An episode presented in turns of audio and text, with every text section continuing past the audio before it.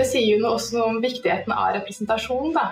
I, i TV, eh, i, eh, på arbeidsplasser, i lederstillinger, eh, i posisjoner hvor man kan påvirke politikk. Hvis man ikke på en måte kan, kan se det, så er det vanskelig å tro på at man kan være det selv også. Hei og velkommen tilbake til I loopen, der vi fortsatt holder deg i loopen på det aller mest spennende som skjer i norsk virksomhetsliv. Og i dag så har vi en litt annerledes episode å by på. Vi skal nemlig snakke om ubevisste holdninger. Og det er et tema jeg personlig i hvert fall syns skal være litt vanskelig å få grep om. For det er jo nettopp dette ubevisste, dette som hjernen bare går og gjør av seg selv. Men et ekstremt viktig tema. Eh, og noe jeg er veldig glad for at vi setter litt fokus på. Dagens eh, første gjest det er eh, Nora Mesen. Nora er samfunnsdebattant med interesse for temaer som antirasisme, feminisme og aktivt eh, medborgerskap. Hun er tidligere leder for Skeiv verden, fast spaltist i Morgenbladet, og hun jobber i dag som likestillingsbyråkrat. Velkommen eh, hit, Nora. Tusen takk. Så glad for å være med. Veldig hyggelig å ha deg her.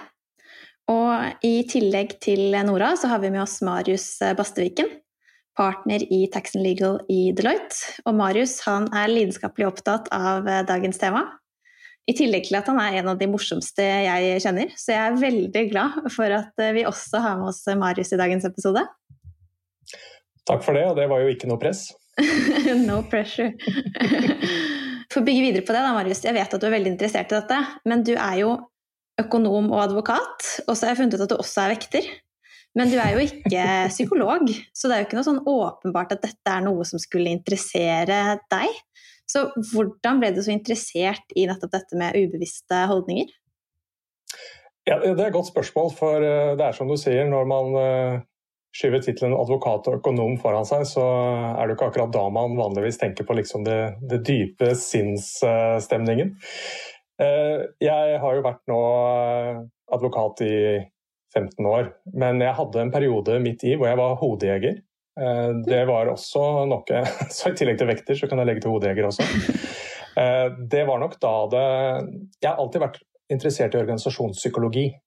Eh, det er helt avgjørende i næringslivet for å bygge en god organisasjonskultur. Og etter hvert så har det spunnet seg ut. Det begynte med en interesse og et engasjement for likestilling. Jeg ser vi har så mange flinke kvinner og menn. Er, jeg syns det er helt rart at vi fortsatt eh, sliter når vi ser i hele pyramiden i, i næringslivet på at ikke dette er jevnt fordelt, når kompetansen er så jevnt fordelt og har vært det i så mange år. Og så har det også spunnet videre på en mer generelt mangfold. Dette med verdien av å både gjenspeile det samfunnet vi lever i, og det gir alle en mulighet, og ikke minst få lov til å være sitt autentiske jeg. Så, så, det er der det begynte. Så egentlig der det kanskje virker som en litt sånn motstrid når man er eh, advokat, så, så syns ikke jeg det er det. Fordi det går kanskje litt mer på lederrollen som partner. Da nettopp den viktigheten av at alle føler seg inkludert og er inkludert, og får bidratt med det de kan bidra med. Mm. Hva med deg da, Nora? Først må jeg bare si at jeg elska introen av Marius. Eh, å være lidenskapelig opptatt av fordommer. Ja, ja. da legger man lista. Jeg er også lidenskapelig opptatt av fordommer. Eh, og min vei eh, inn til bevissthet om det tror jeg også har handla mye om at jeg har kjent mange ting på kroppen. Jeg vokste opp på et lite sted som heter Stokke, hvor det ikke var så mange som så ut som meg og min familie.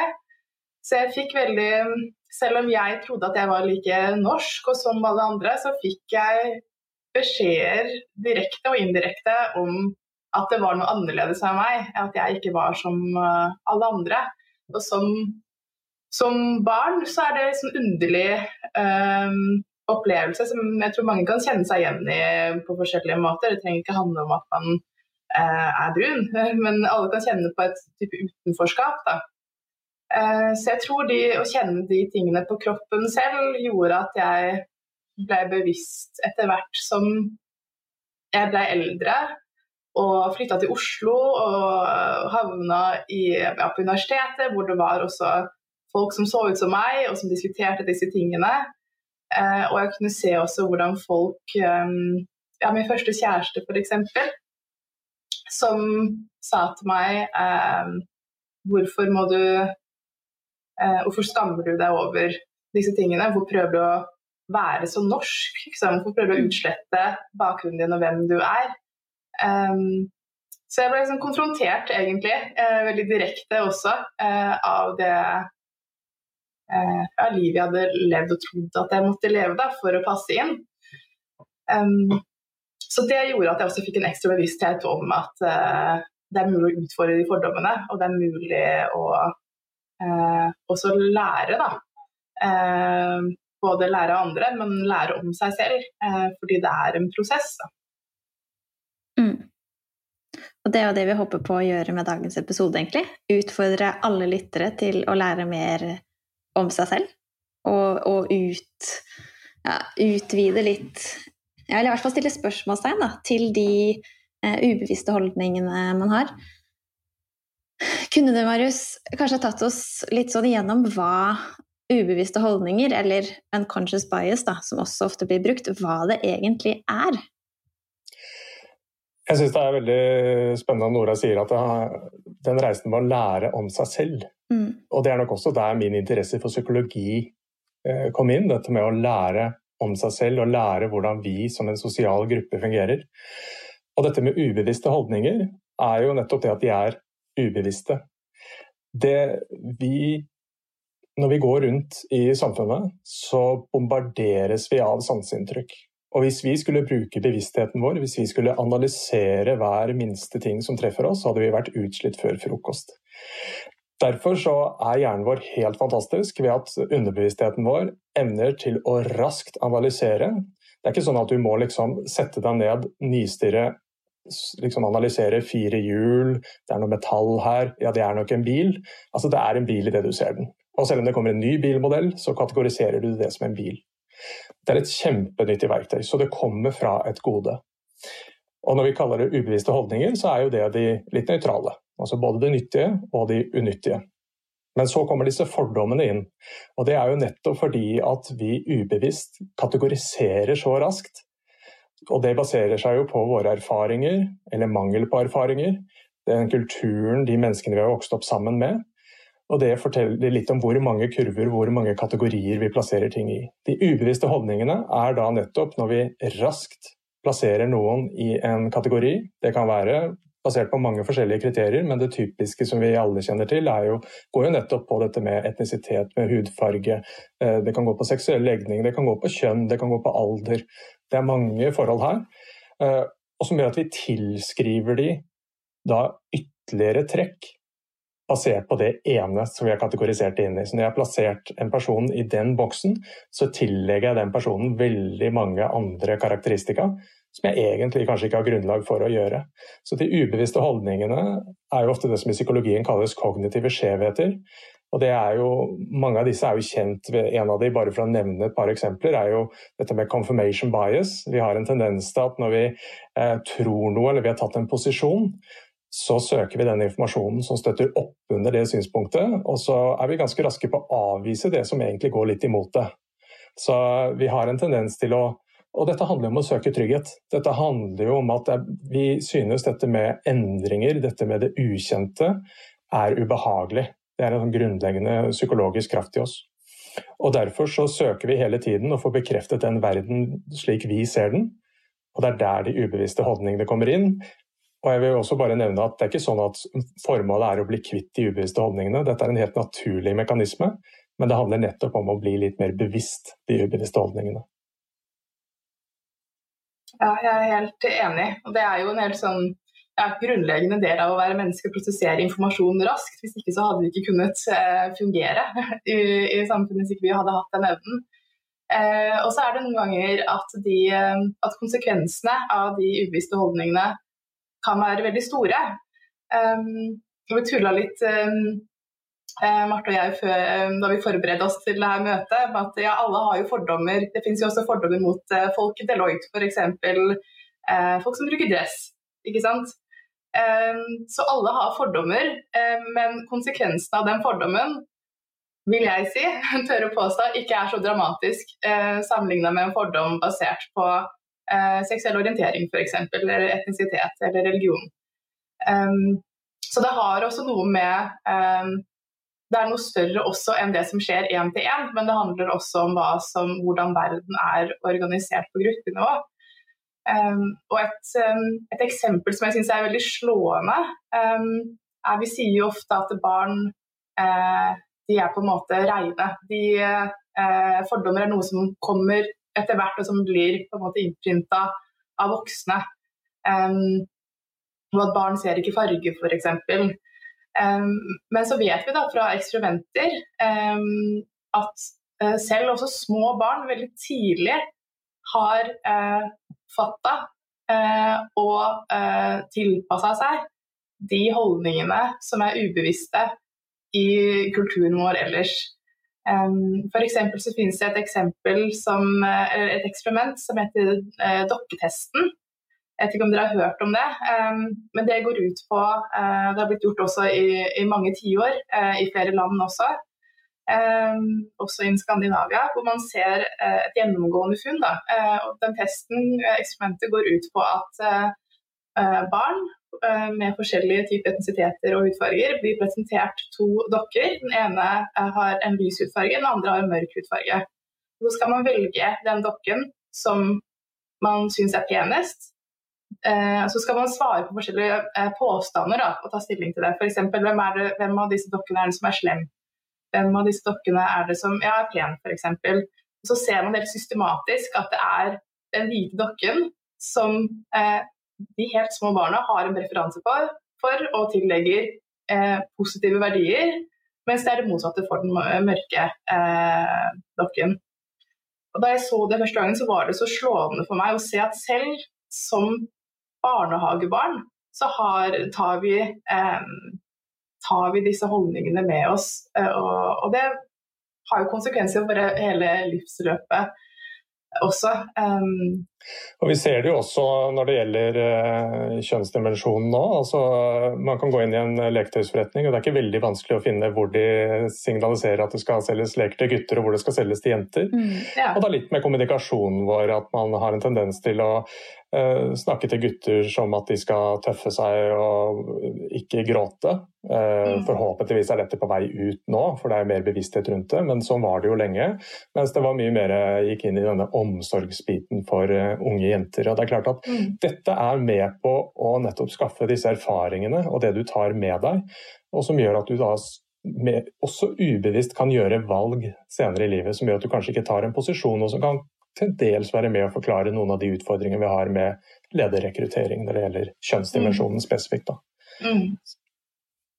Og dette gjelder jo så mange ulike, ja, så mange ulike ting også. Da. Nå bare gikk hodet mitt videre også til ja, den NRK-dokumentaren om Et feit liv, er det det den heter?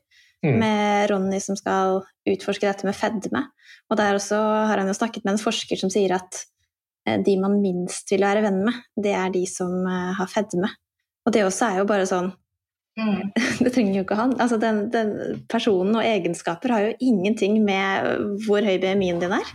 Mm. Det er jo ganske utrolig at man finner så systematiske funn. Absolutt. Og det sier jo også noe om viktigheten av representasjon. Da. Eh, i, i, TV, eh, i, på arbeidsplasser, i lederstillinger, eh, i posisjoner hvor man kan påvirke politikk. Um, hvis man ikke på en måte kan, kan se det, så tro, er det vanskelig å tro på at man kan være det selv også. Um, så ja, det spørsmålet om representasjon syns jeg er så enormt viktig representasjon og rollemodeller er helt avgjørende. Mm. Eh, man så jo det for en del år siden, hvor veldig mye av eh, barne-TV som NRK sendte, var da produsert på Østlandet. Og da ble det jo en sånn greie i barnehager, eh, selv på Vestlandet, hvor barna snakket kav bergensk, men så lekte de på østlandsk. Fordi lek var da forbundet med østlandsdialekten.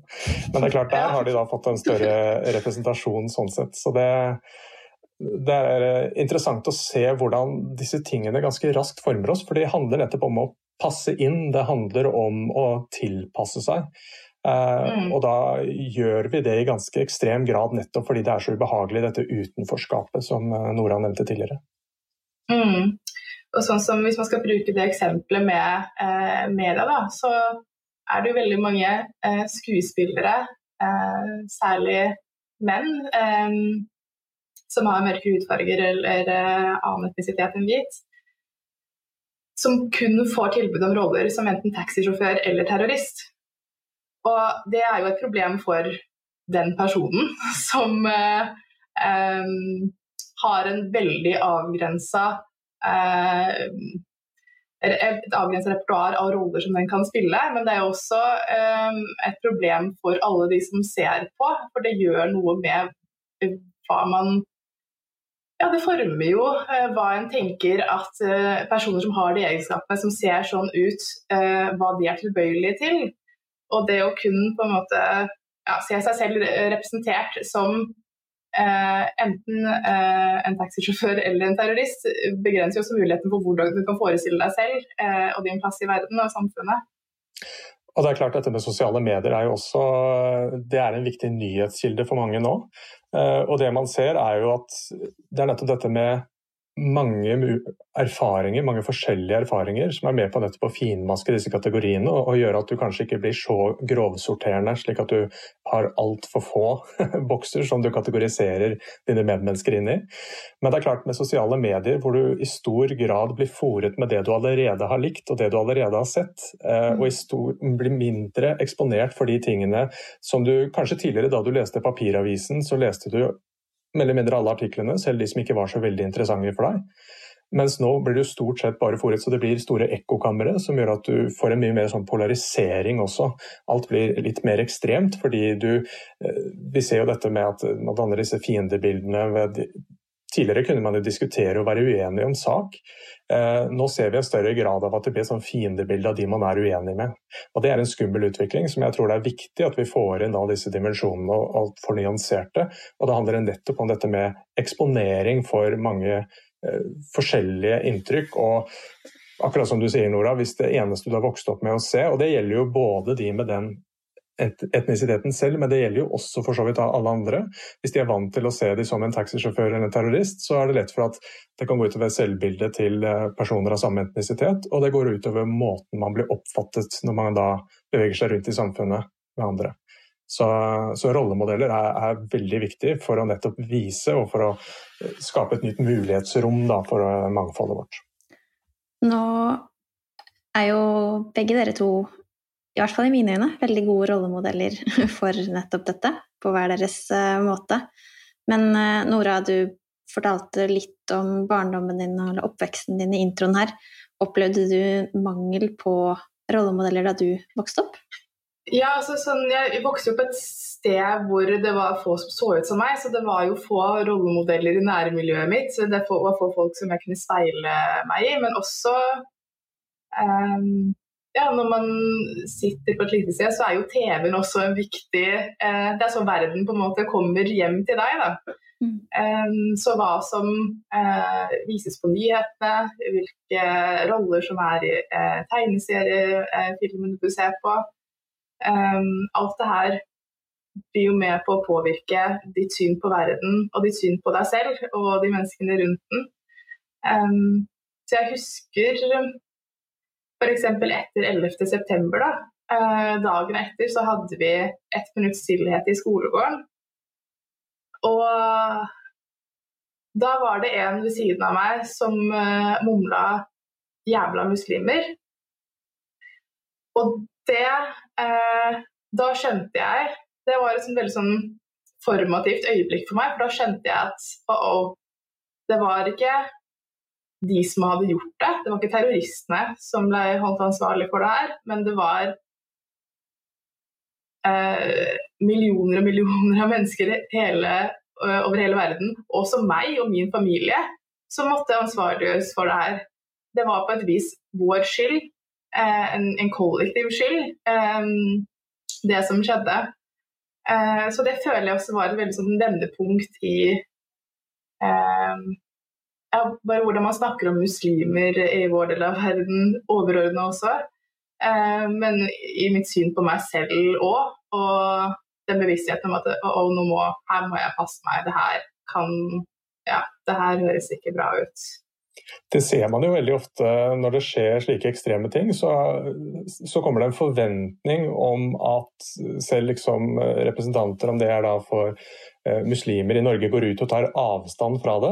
Veldig sjelden vi ser den samme forventningen hvis en eh, hvit mann gjør noe, at Den eh, norske kirke må gå ut og ta avstand, selv om denne personen kanskje var en del av statskirken. Så, så det er litt ulike det, er, det, ligger jo en fordom når man allerede krever at noen som ikke har hatt noe med handlingen å gjøre, må gå ut på en måte og ta avstand fra den. For de menneskene som ikke har hatt noe med den å gjøre, er jo like langt unna den som meg. Så, så, så, det viser jo nettopp at vi har fortsatt en vei å gå her. Ja, og så er det på en måte, det er ikke isolert heller, da. Ehm, det er disse små Det blir nesten som små nålestikk av eh, beskjeder som man får fra verden rundt seg. Så eh, den episoden i skolegården, ett nålestikk. Ehm, den ehm, hvordan eh, de som asylsøkerbarn på skolen min ble behandla, og hvordan de ble ja, kalt for ekle, stygge, lukta vondt. De måtte man ikke leke med, for de var ikke noe man ville assosiere med. Det er også en beskjed til, til alle andre som ser ut som dem også. eh, om hvem som har vært noe, og hvem som ikke har vært noe. Um, fordi da lager man egentlig en bøtte, er det det vi egentlig ja. snakker om da? Da lager man en bøtte med at alle de er sånn. Ingen av ja. de skal man leke med. Alle ja. de lukter vondt og er ekle. Ja, ja. Uh, og så kan det jo også Det er liksom det at det skjer på forskjellige, så forskjellige arenaer i samfunnet også. Så den for eksempel um, Så er det jo mange som også har en forventning om at jeg som lesbisk har hatt det veldig vanskelig med mine foreldre fordi jeg, eh, eh, jeg har muslimsk bakgrunn. Så det er en antakelse om at det må ha vært eh, Eh, skikkelig tøff for meg å komme ut av skapet. Eh, som bærer med seg en antakelse om at eh, alle muslimer er imot skeive, og alle ikke-muslimer er for skeive. Og det vet jo ikke stemmer. Men den påstanden har jeg Eller det spørsmålet, hvordan var det for deg å komme ut siden du har muslimske foreldre, den har jeg hørt i alt fra lunsjpausen til fra journalister Eh, til eh, legekontoret eh, en gang jeg var hos legen og skulle få hjelp til noe helt annet, men hvor han tok det opp selv, da, fordi han hadde tenkt og sett for seg at det var det som var det egentlige problemet. Og da har man jo på en måte Da opplever man jo at noen har skrevet ferdig historien om hvem du er. Um, hvem du er, hvilke kamper du må ta, og hva som er løsningen også. Um, så den ja, den nysgjerrigheten og, og det å gi muligheten til folk til å definere sine egne problemer og løsninger på dem, og fortelle historiene om sitt liv med egne ord, det er så utrolig viktig. da. Eh, at man ikke får den ferdigskrevne historien om seg selv eh, servert. Ja, i hvert fall hvis du blir da møtt med nærmest sånn mistro når du forteller hvordan ting faktisk er, så kjennes jo det mm. ekstra frustrerende. For jeg antar jo at hvis det kommer fra et, si, et, et respektfullt nysgjerrighetsperspektiv, og vi kan kalle det det, hvor jeg er oppriktig interessert i å bli bedre kjent med deg, og kanskje ærlig på at jeg ikke kjenner så godt til den muslimske kulturen, mm. at man stiller litt åpne spørsmål om det, så antar jeg vel at ikke det oppfattes så problematisk. Men det er vel hele tiden at man det er ikke nøytrale spørsmål som stilles. Det, er, det, ligger hele tiden en forventning til hva svaret skal være bak. Og og da er vi litt tilbake til denne confirmation bias, at i enkelte tilfeller når du da gir ditt ærlige svar, så, så, avfeies det på en måte, for det passer ikke helt inn i det bildet jeg har allerede dannet meg, og hvordan tings, verden ser ut. Eh, ja, absolutt. Og det, jeg tenker jo at det, de bekreftelsesfellene, det, det handler jo ikke om at man ikke skal kunne snakke om hvordan det er å være skeiv og muslim. Og for, noen har jo hatt en kjempekamp med sine foreldre om det. Um, så det handler ikke om at det ikke er sant i mange tilfeller. Um, men det handler om både hvordan man stiller spørsmålet, som du sier, Marius, og når det kommer i samtalen også. Um, er det det første du trenger å vite om en person? Hvor de egentlig kommer fra? Eh, og skal du insistere på at det svaret du fikk, det var ikke det du egentlig mente? Um, så det er den um, ja, den bevisstheten om at det alltid sin plass og sin tid, og være åpen for at det kanskje ikke var som du hadde tenkt. da. Mm.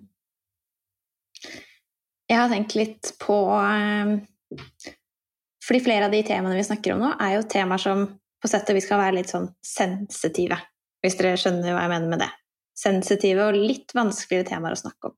Og det jeg ofte opplever selv, er at jeg kan bli litt redd for å trå feil. Jeg kan bli veldig forsiktig i hvordan jeg skal formulere meg, da. Eh, og det er jo egentlig bare sånn med dette temaet. Man skal jo stoppe opp, tenke seg om. Men er det litt sånn en bias i det også? At jeg skal tilpasse så veldig? F.eks. med Nora, da. Hvis jeg skal snakke med deg om eh, at du er muslim. Mm er det nesten så jeg har en bias også mot at du blir støtt hvis jeg sier noe feil. Altså sånn, fordi det her tror jeg mange som opplever at man, man blir veldig redd for å trå feil og vet ikke helt hvordan man skal formulere seg. Skal jeg bare ikke nevne det i det hele tatt, og så blir det litt rart? Når skal jeg altså, Det også er jo på en måte noe jeg gjerne vil at vi skal snakke litt om, da. Mm. Jeg, jeg, tror det er, eh, det er veldig vanlig, som du sier. Og jeg tror det som er utfordringen med det, er jo at nettopp det at vi ønsker eh, ikke bare mangfold, men mangfold og inkludering. Inkluderingsdimensjonen er helt avgjørende. Og det er det at man går litt utenfor det kjente. Man mm. går inn i det ukjente territoriet hvis man begynner da å stille spørsmål om, en, om det er en kultur, om det er en seksuell legning, om det er hva det skulle være, eh, som man ikke er, har den erfaringen og er så kjent med. Så, så, er det litt utrygt. Men så bør man jo hele veien tenke seg at det er noen som tillater seg å stille helt latterlige spørsmål til homofile. altså, De ville jo mm. aldri stilt de spørsmålene til en heterofil. Så, så det er noe med at det, selv om man absolutt skal vi skal være forsiktige så ikke vi går inn i denne politisk korrektheten, at vi ikke tør å si noe, for vi er enten redd for å støte eller vi er redd for å si noe som ikke passer seg, og som gjør at vi egentlig isolerer oss mer og mer. Vi går ikke i møte, vi bare unngår. Men eh, det er allikevel greit også, hvis man hele tiden har en sånn respektfull Viser at man er oppriktig interessert i det mennesket man skal bli kjent med, mm. så tror jeg jo, og dette må du svare på, Nora, fordi at du er møtt med flere av disse fordommene enn det jeg er blitt, men jeg vil jo tro at når man skjønner at dette ikke kommer som en fordom, men som kan være uvitenhet, mm. men det kan være en åpenhet og en nysgjerrighet om å lære, så skal det ganske mye til, selv om man kanskje velger litt uheldige ord, at man blir støtt av det. Og det er jo, jeg syns det er fint å skille mellom intensjon og effekt. fordi veldig ofte, og som regel i, i flesteparten av tilfellene, så handler det jo ikke om dårlige intensjoner. Det er mennesker som eh, prøver å gjøre smalltalk eller lære eller eh, ja, bare genuint sett har lyst til å ha en meningsfull samtale. Um, men så er det Det går an at ting er ment godt, men at effekten allikevel er kjipt for de som får høre det. Eh, så selv om jeg sier noe og mener det beste, så må jeg også være åpen for at eh, folk kan oppleve det jeg sier på forskjellige måter. Eh, og det handler ikke om at det skal være at man at det er noen temaer som skal være ikke-temaer, sånn overordna sett. Men det handler om at hvis du får en tilbakemelding om at nei, det eh, hvis det blir problematisert av det man har sagt eller gjort, og det har jeg opplevd mange ganger selv også, eh, at, at, vi er åpne for å si oi, sorry, det, det, tenkte jeg ikke på, det var ikke ment sånn, men det var veldig bra at du sa ifra om det. Takk for at du sa ifra. Mm. Fordi eh, det å bli korrigert, eller det å få en tilbakemelding, det er en så viktig del av den prosessen med å lære å utvikle seg og få flere perspektiver. Da. Eh, så det, Man skal ikke være redd for den eh, å si noe feil og så bli korrigert. Eh, fordi det betyr ikke at du er et dårlig menneske, men det betyr at det er en mulighet for deg til å faktisk ta eierskap til din egen læringsprosess. Anerkjenne andre som har sagt ifra, og si takk, det skal jeg, det skal jeg ta med meg videre. Bra at du sa ifra. Og så synes jeg Det var et veldig fint bilde du, når du nevnte dette med nålestikk. fordi jeg tror Det er viktig at man er klar over også at selv om den ene tingen som eh, sies, i seg selv kanskje ikke er så ille. Så noen ganger kan man tenke at eh, så fryktelig nærtagen du er, da, som ikke tålte at jeg sa det engang. Mm. Men det er klart at hvis denne personen har blitt utsatt for dette hele livet, så er man jo fryktelig lei. ikke sant? Man, man skulle så gjerne ønske at vi har kommet lenger enn som så, men det er klart at hvis du hver gang du møter et nytt menneske må forklare hvor er du fra, Stokke, Nei, men jeg mener, hvor er du egentlig fra? så blir det en sånn mm. eh, som, et, som, et eksempel. Og det er klart at Jeg husker jeg, eh, jeg gikk på barneskolen sammen med Hun var adoptert, eh, og hun kom fra samme gate som jeg vokste opp. Og Da husker jeg det var noen da vi begynte litt senere, noen andre venner som spurte hvor hun var fra, og da sa jeg gatenavnet, da. Mm. Og da var det sånn, hvor er hun, hvor er hun egentlig fra? Og, og jeg forsto ikke hva de mente da, for jeg var jo vokst opp sammen med henne. Hun var jo etnisk sett fra Indonesia. men det var ikke mine tanker den gangen. og det er ikke dette her for å si at jeg er fordomsfri, men det er litt med dette her med at eh, For jeg er på ingen måte det. Jeg har også mine fordommer, men det kommer vi litt tilbake til, hvordan vi skal prøve å jobbe med dem. Men, men det er noe med det at når en person har svart på et spørsmål, ikke bor videre fordi at du ønsker å få det svaret du mener er det riktige. Hvis du mm. skal stille et spørsmål, still det genuint og vær interessert i svaret. Og som Nora sier, hvis hun gir en korrigerende tilbakemelding på det, så tenk igjennom at det er nok en grunn til at den tilbakemeldingen kommer. Det å gi tilbakemeldinger er også noe som i psykologien koster oss ganske mye.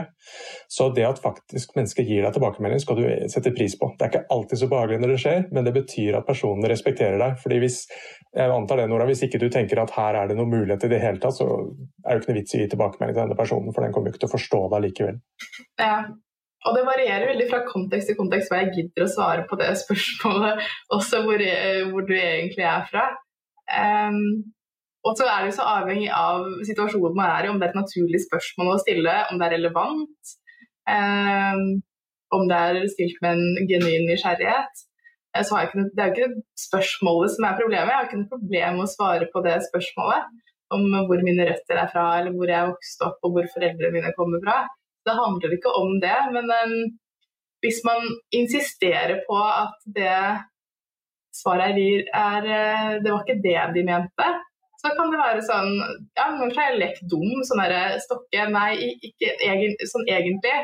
Nei, mener Altså, egentlig så kommer jeg fra Bokmål, liksom. Sånn, hvis du skal ha det helt spesifikt. Sånn. Men jeg visste ikke at du var så kjent i Stokke at du trengte en avgrensning.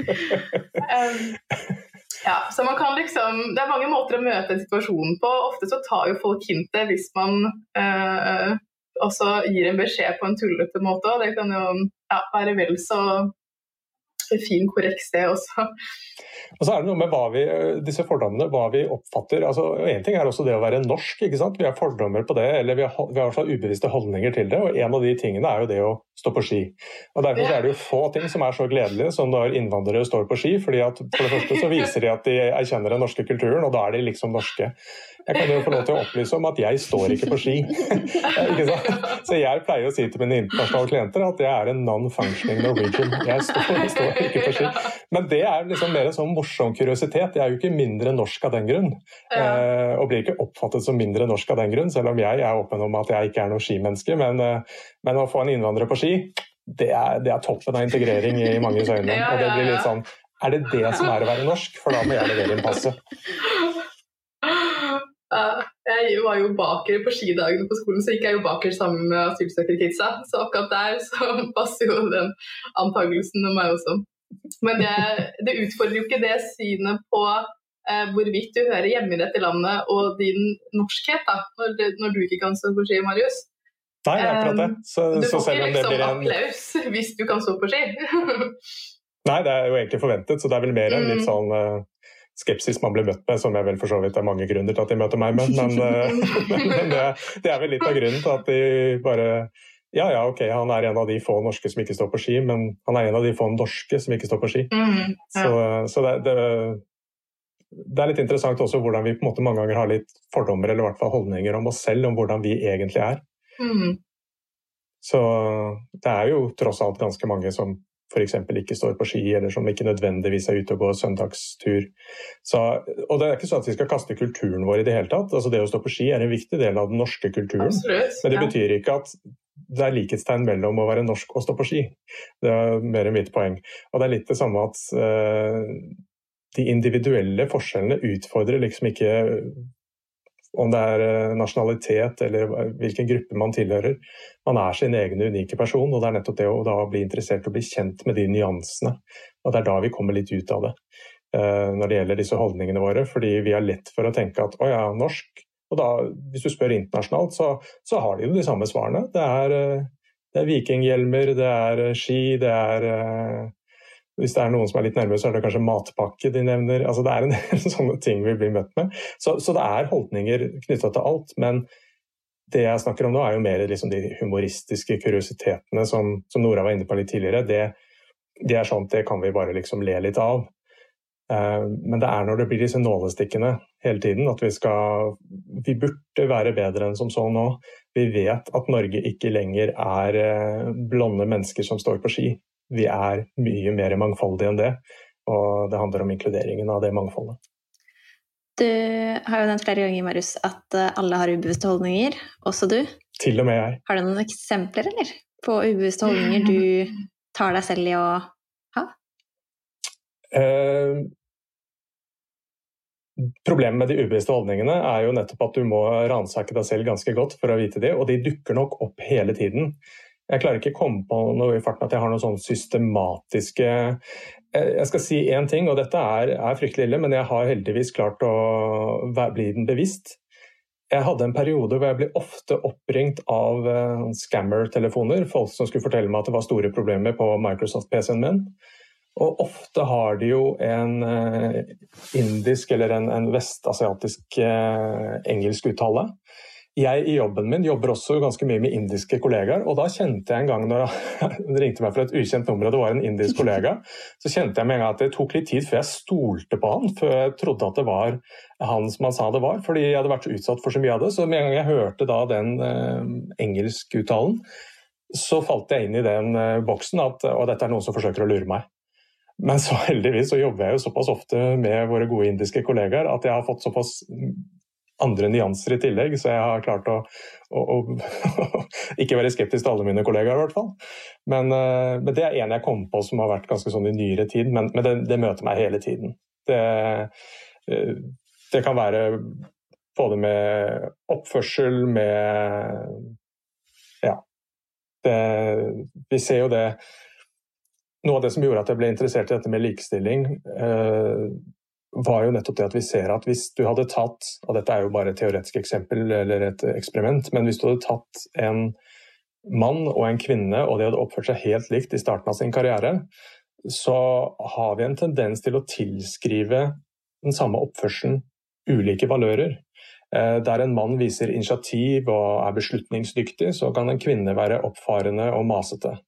Eh, og Det er sånne ting som jeg nok tidligere i karrieren måtte gå mer inn i, men så har jeg etter hvert vært så heldig at jeg har hatt både dyktige kvinnelige og mannlige ledere.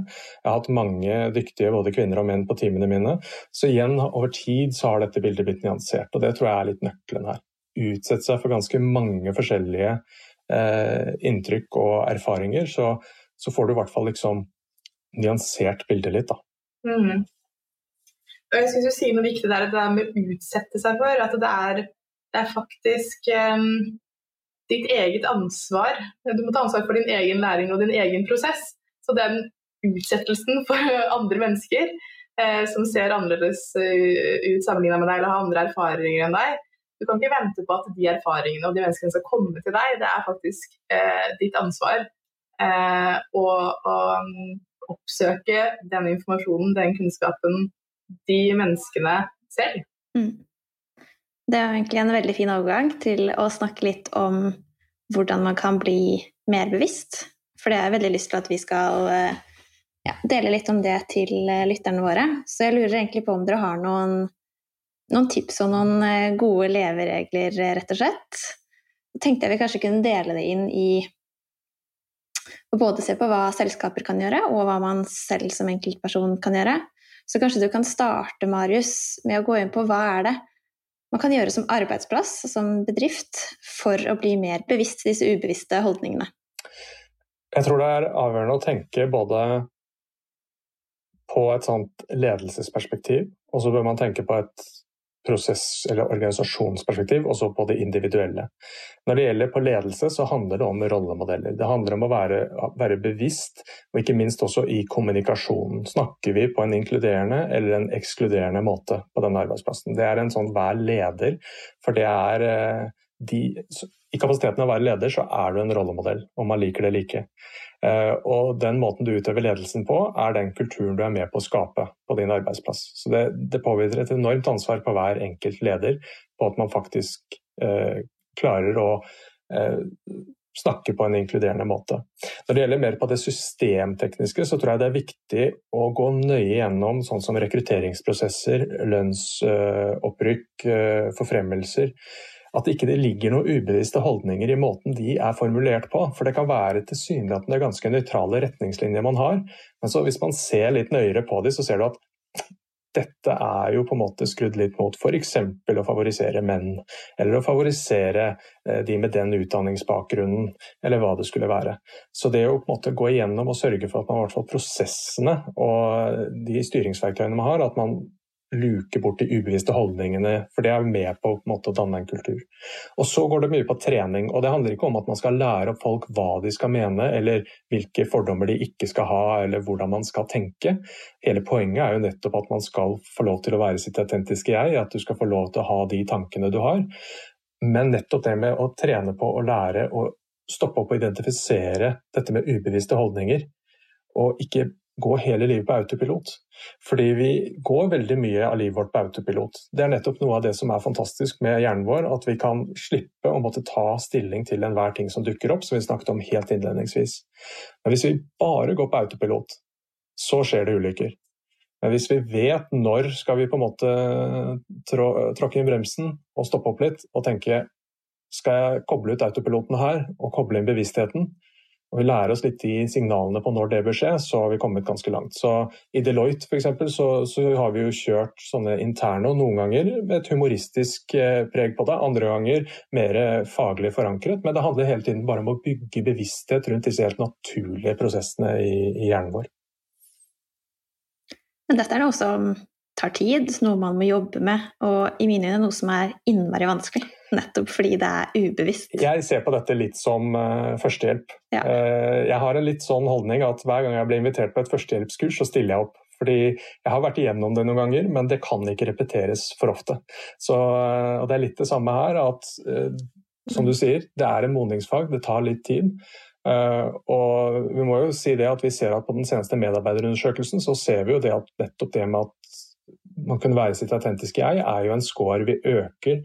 Der vi i starten nok skrapte litt på overflaten, så har vi nå klart å begynne fall, å bygge inn i en kultur. Vi har fortsatt en vei å gå, men vi har hvert fall klart å bygge en troverdighet rundt at dette er viktig for oss. Det har med både en side til lønnsomhet, men det er også en side til vårt samfunnsansvar som en stor arbeidsgiver.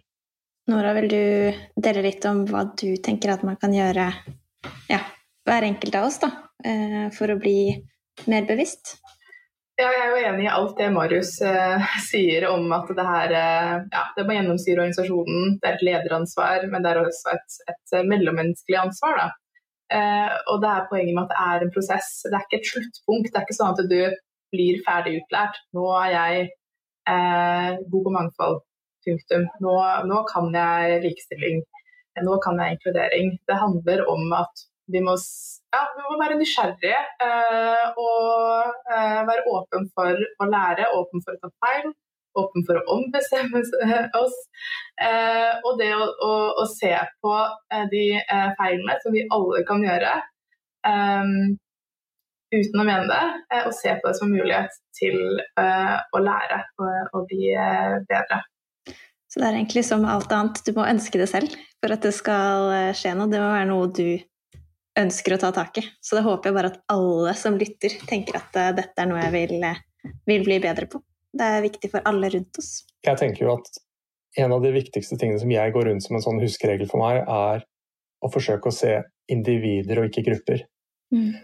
Fordi du, du, har en tendens til at når du Og det kan være helt uskyldige ting. Det kan være at jeg ser en person, så ligner den på en person jeg har kjent tidligere. Og automatisk så, jeg å, så blir jeg litt sånn overrasket når personen begynner å snakke, fordi ja, men du minner jo ikke om den personen, du skal jo ikke snakke sånn.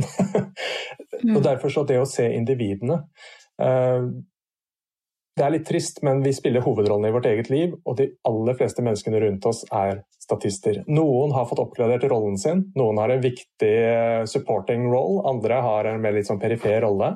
Men store deler av menneskene vi møter rundt er statister. Det kan høres kjempetrist ut, fordi alle tenker at de er hovedrollen, og det er riktig, du er det i ditt eget liv, men ikke i alle andres.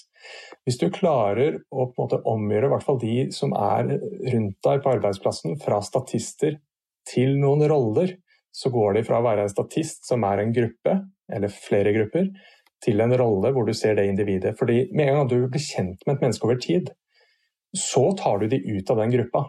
Så Det er førsteinntrykket, det er den første fasen du plasserer de der.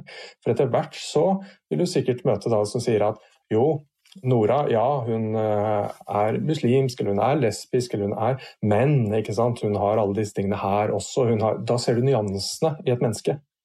Så det å prøve hele veien å tenke, bli kjent med individet, ikke automatisk tenke at dette er lik alle de andre menneskene jeg har møtt som har en eller annen karakteristikk eller egenskap eh, som sammenfaller med dette mennesket. Tenk individ, ikke gruppe. Fin skildring dagens visdomsord. så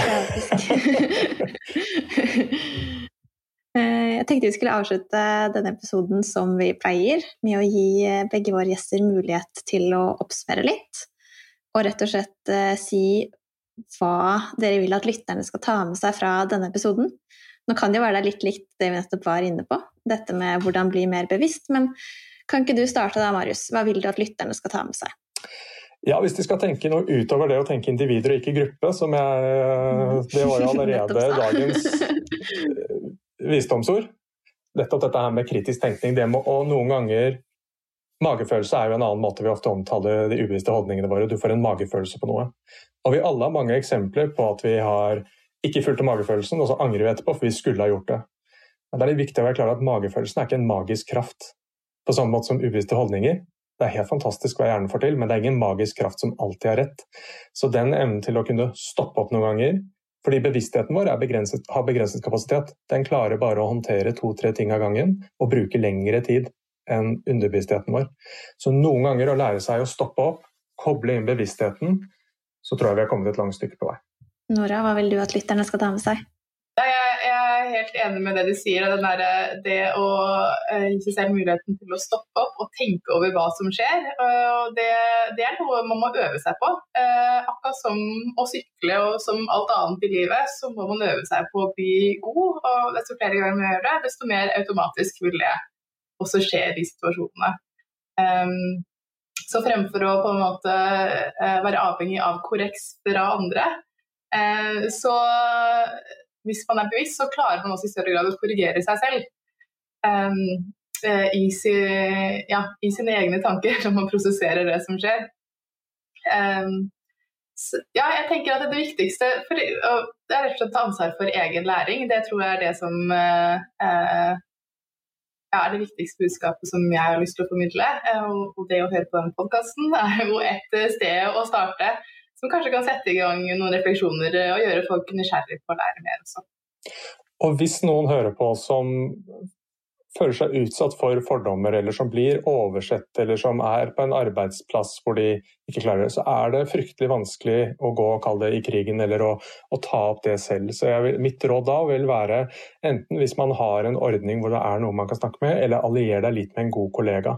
For å ha noen å diskutere med, både for å måte, få luftet ut litt, men også at kanskje denne kollegaen kan være en alliert og en støttespiller for deg når du skal ta dette opp. Fordi Hvis man sitter og kjenner på denne følelsen alene, så syns jeg ikke vi skal pålegge noen å måtte ta den kampen selv. Det er fryktelig vanskelig. Finn noen du stoler på, og allier deg med dem. Mm. Veldig fint. Enig. Det er et mye større ansvar som ligger på dem som ikke blir utsatt, om å heve stemmen sin. Fordi det koster mindre. Mobbere får kun fortsette fordi at den store flertallet er stille. Mm. Hadde alle sagt imot og støttet mobbeofre, så hadde mobbing forsvunnet ganske raskt. Tusen takk eh, både Nora og Marius for at dere var med og satte fokus på dette veldig veldig viktige temaet. Veldig glad for at vi eh, satte fokus på det, og for at nettopp dere eh, var med oss og snakka om det.